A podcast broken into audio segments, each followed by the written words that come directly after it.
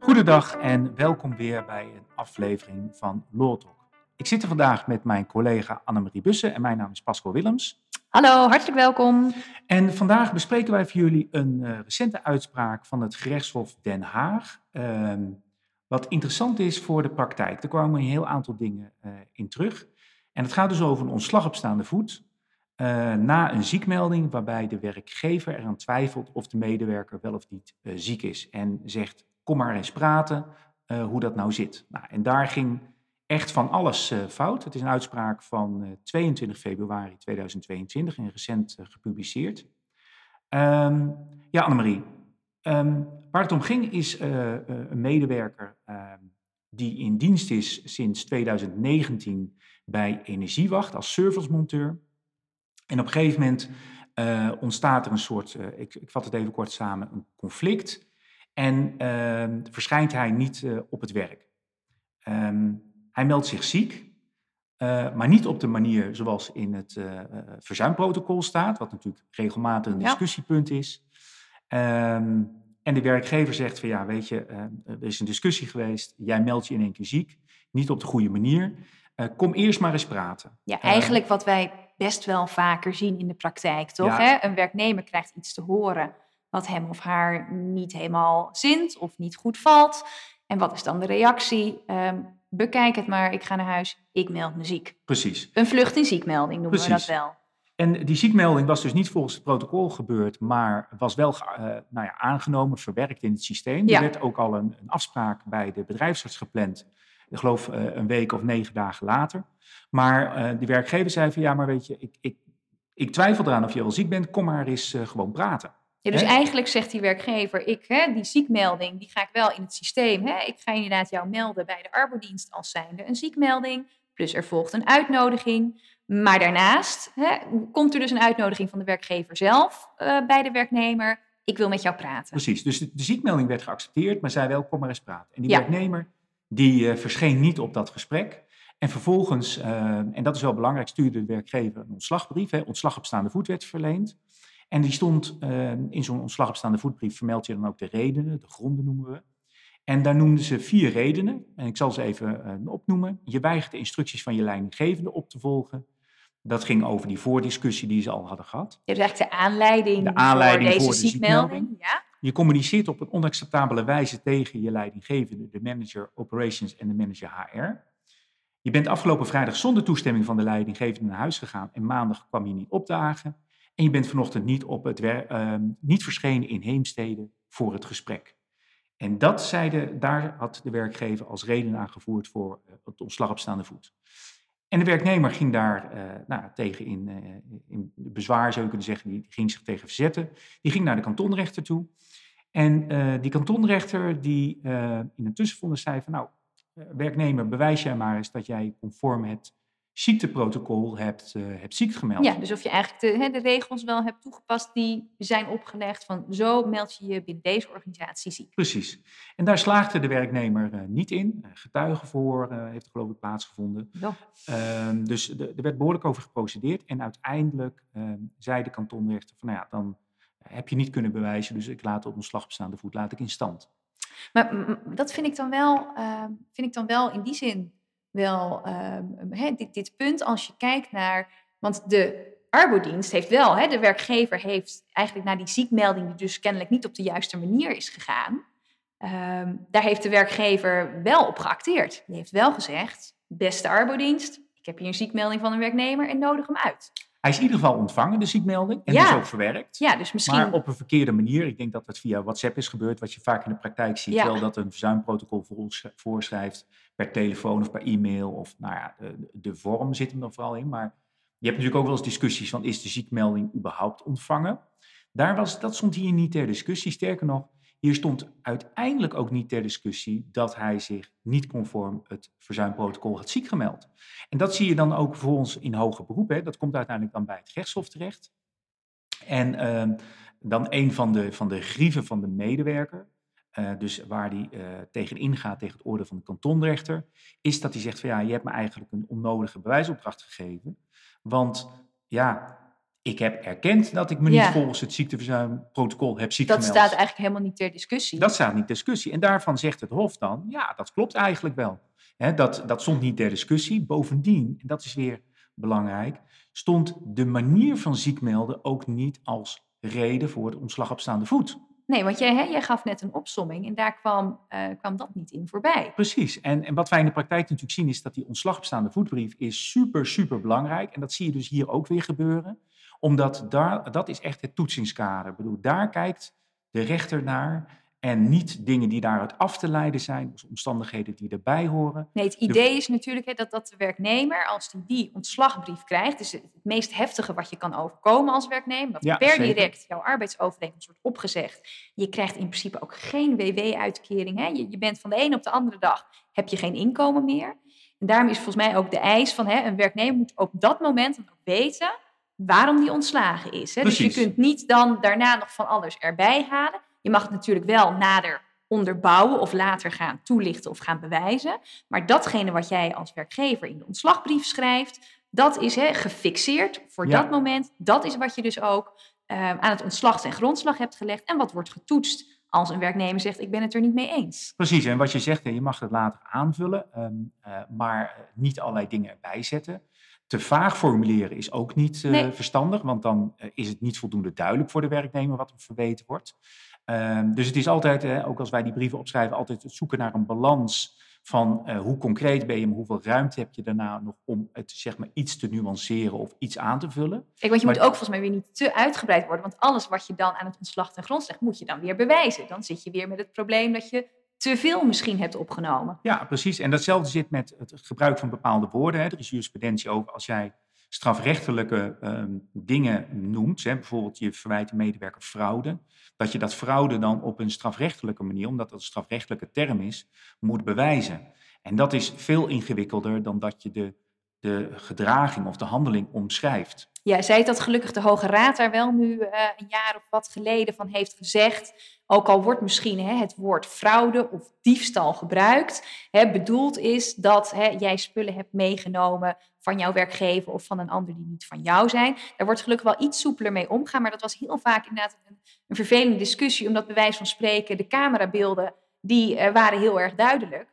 Alleen omdat er dan, hè, je hebt je schuldig gemaakt aan diefstalpunt, ja, is het het wederrechtelijk toe-eigenen, zegt dan strafrecht uh, in, in ja. volgens mij in 310 uh, eh, letterlijk. Ja, en dat kon, hè, dat kon niet worden bewezen. Dus dan hè, een werknemer die ontzettend fout was, alleen door die formulering in de ontslagbrief ging dan zo'n ontslag uh, ging onderuit. Volgens mij is daar nu wel een beetje een kentering in er komt gekomen. Iets, een, een kentering, maar je ziet Maar je wel, moet wel opletten. Je moet heel erg opletten, ja. want Um, als jij een term gebruikt die voor jou heel duidelijk lijkt, soms strafrechtelijke term, um, uh, maar die is niet voldoende uitgewerkt of zo, of niet voldoende duidelijk voor de medewerker, zit je nog steeds wel met een uh, bewijsprobleem. Ja. Dus het beschrijven van de gedraging, bijna het feitelijk beschrijven, is vaak het beste, omdat ja. dat ook heel duidelijk is en ook makkelijker te bewijzen is dan een een uh, ja, combinatieterm zoals ja. uh, fraude of diefstal of zo. Ja. Maar, maar dat vond ik dan wel ook weer in deze uitspraak wel weer, uh, ja, dat ik denk, och, werk, werkgever, had dat nou even anders gedaan? Want daar krijgt de werkgever ook nog een, een tik op de vingers van het Hof. En jij gaf heel duidelijk aan, er waren eigenlijk vier redenen die in de ontslagbrief waren opgenomen. Nou, die zijn best wel hè, feitelijk omschreven. Dus dan denk je, nou, dat heeft de werkgever goed gedaan.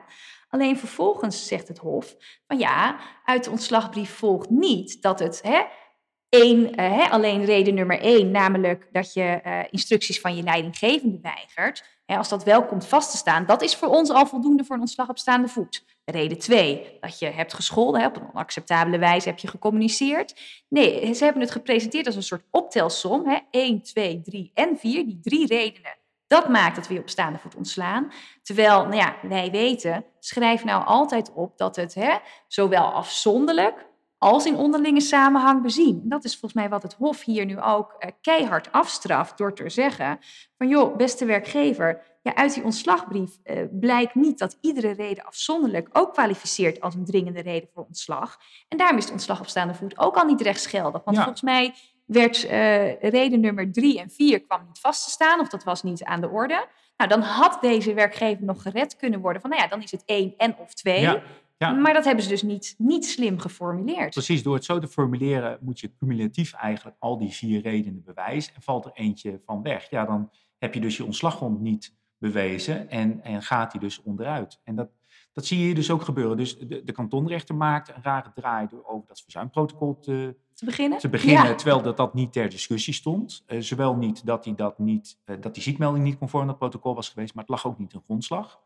Ehm, tegelijkertijd, wat ik ook wel bijzonder vind, is dat het Hof uiteindelijk, hè, het ontslag staande voet blijft niet in stand, want zegt het Hof, ehm, en zo schrijven ze het ook op, ehm, je had eigenlijk het oordeel van eh, de bedrijfsarts moeten afwachten. En eigenlijk wat het Hof, ik, zeg nu bedrijfsarts, eh, daar vergis ik me in, want het Hof schrijft arboarts. In de feiten wordt bedrijfsarts genoemd, ehm, maar de hof het Hof zegt van eh, als werkgever had je eerst het oordeel van de arboarts moeten afwachten, alvorens je ontslag op staande voet eh, ging verlenen. En dat is natuurlijk wel opmerkelijk, omdat eh, de, of de medewerker ziek meldt, stond ook niet ter discussie. Dus Nee. je kan je voorstellen dat als jij, en dit, dat werd wel gesteld, de werkgever trekte de ziekmelding in twijfel en nodigde de medewerker daarom uit. Ehm, maar tegelijkertijd was de ziekmelding wel geaccepteerd en verwerkt en net ter zeggen, ja. oordeling voorgelegd Ja. aan de bedrijfsarts. Eh arboarts, hè, in de woorden van het Hof, daar kom ik zo nog even op terug.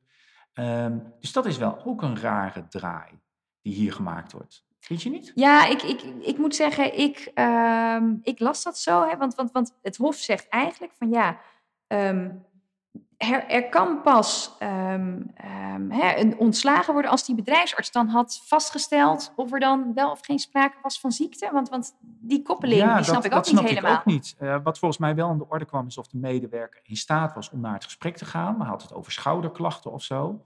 Ehm, eh, en dat is op zich wel logisch, natuurlijk, als het verweer van de medewerker is.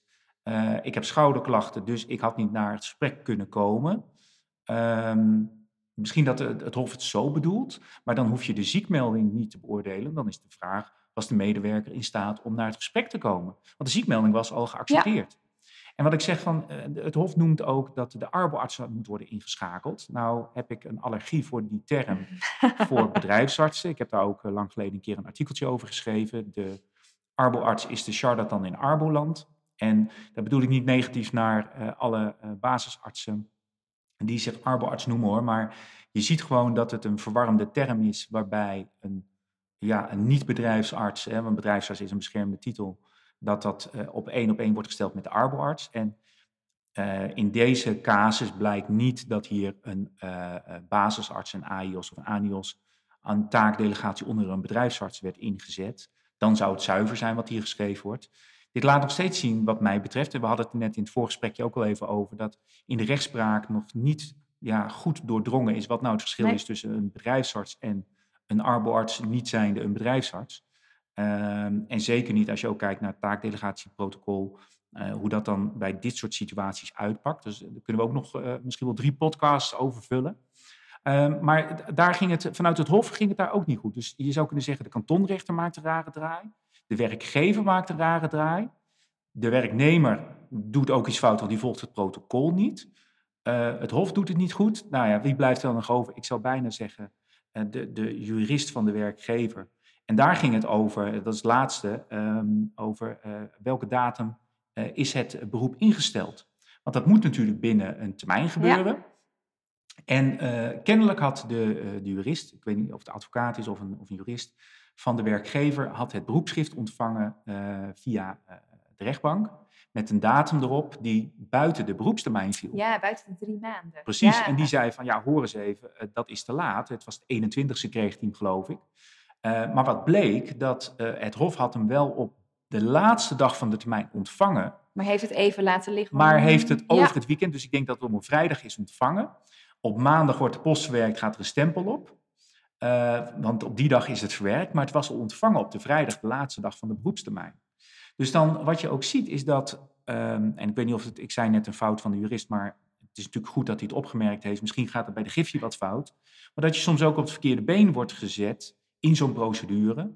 Dan wordt er dus heel veel aandacht aan besteed, want in de processtukken is er uitgebreid over, eh, over geschreven. Terwijl de, de feitelijke situatie gewoon is dat het Hof het wel op tijd heeft eh, ontvangen. Kijk, wat, wat ik moet zeggen, het gebeurt wel vaker dan. Hè? Inderdaad, wat je zegt, of voor het weekend, maar soms kan er ook wel eens, ik heb één keer dat er een week overheen was gegaan. Dat ik ook dacht, nou, wat fijn, hè? deze wederpartij is niet in hoger beroep gegaan. En in één keer komt er wel een, uh, een hoger beroepsschrift uh, met de post vanuit, vanuit het Hof. Um, ja, het eerste wat je doet is even bellen van luister, ik krijg dit nu pas, maar wanneer is dit door jullie ontvangen? Want dat is natuurlijk de eerste stap die je controleert. Is de, hè, is de werknemer wel op tijd met het instellen van zijn hoger beroep? En wat jij zegt, van, ja, dat er dan kennelijk zoveel over hè, in de processtukken moet worden uh, geschreven. Ja, misschien had even een telefoontje dan een bevestiging van het Hof van luister, hè, inderdaad, het heeft hier even drie, vier ja. dagen bij ons gelegen. Had toch ook weer een, een hele hoop tijd uh, geschild.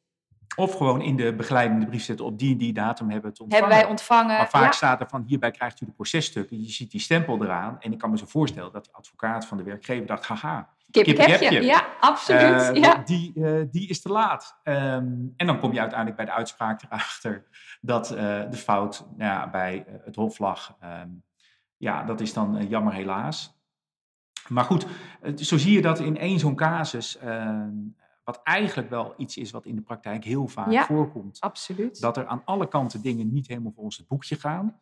Uh, en ik denk in ieder geval wat de praktijk eruit kan leren, is dat het formuleren van die ontslag op staande voetbrief uh, is echt super belangrijk. Uh, dat zien wij in onze praktijk. Nou, ja, we zien het eigenlijk altijd elke keer op keer terugkomen. Ja, ja. en uh, dat, dat vergt dus zorgvuldigheid en vaak, hè, het moet snel. Hè, er komt vaak ook heel veel emotie bij kijken. Dus dan ja, dat gaat uh, soms nog wel eens ten koste van de scherpte. Dus uh, onze, ons advies is even van, eh, denk er goed over na. Natuurlijk voortvarend handelen, omdat het een dringende reden is. Hè, dus je kan niet, niet te lang wachten. maar laat desnoods of door een jurist opstellen of kijk er met meerdere mensen naar of zo. Want um, dat is echt het eikpunt voor zo'n hele procedure. En in dit geval, na nou ja, misschien twee jaar procederen, trekt de werkgever toch aan het kortste eind en moet nog zeven maanden salarissen betalen en uh, een proceskostenveroordeling in twee instanties. Dus en, dan wordt, en dan wordt de werkgever in die zin nog gematst tussen aanhalingstekens. Want eigenlijk had er ook nog een billijke vergoeding toegekend kunnen worden, omdat dus het ontslag op staande voet ten onrechte is geweest. Maar daarvan zegt het Hof van nou, dat, dat doen we dan even niet, want je hebt ook al een, hè, een grote gefixeerde schadevergoeding die je als werkgever moet betalen. En daar is de werknemer wel voldoende door gecompenseerd. Dus we gaan niet ook nog een keer een extra billijke vergoeding toekennen. Precies, ja. ja. Maar nog steeds uh, denk ik best wel, best wel een wrange uitkomst als het uh, nou ja, door iets meer scherpte en nou ja, bij het opstellen van de brief, als je daar nou net even twee uur meer tijd voor had genomen, dan uh, had het er toch echt wel anders uit kunnen zien, deze uitspraak. Precies, het, het is wel uh, grappig, want het Hof zegt dat de medewerker inderdaad voldoende gecompenseerd is.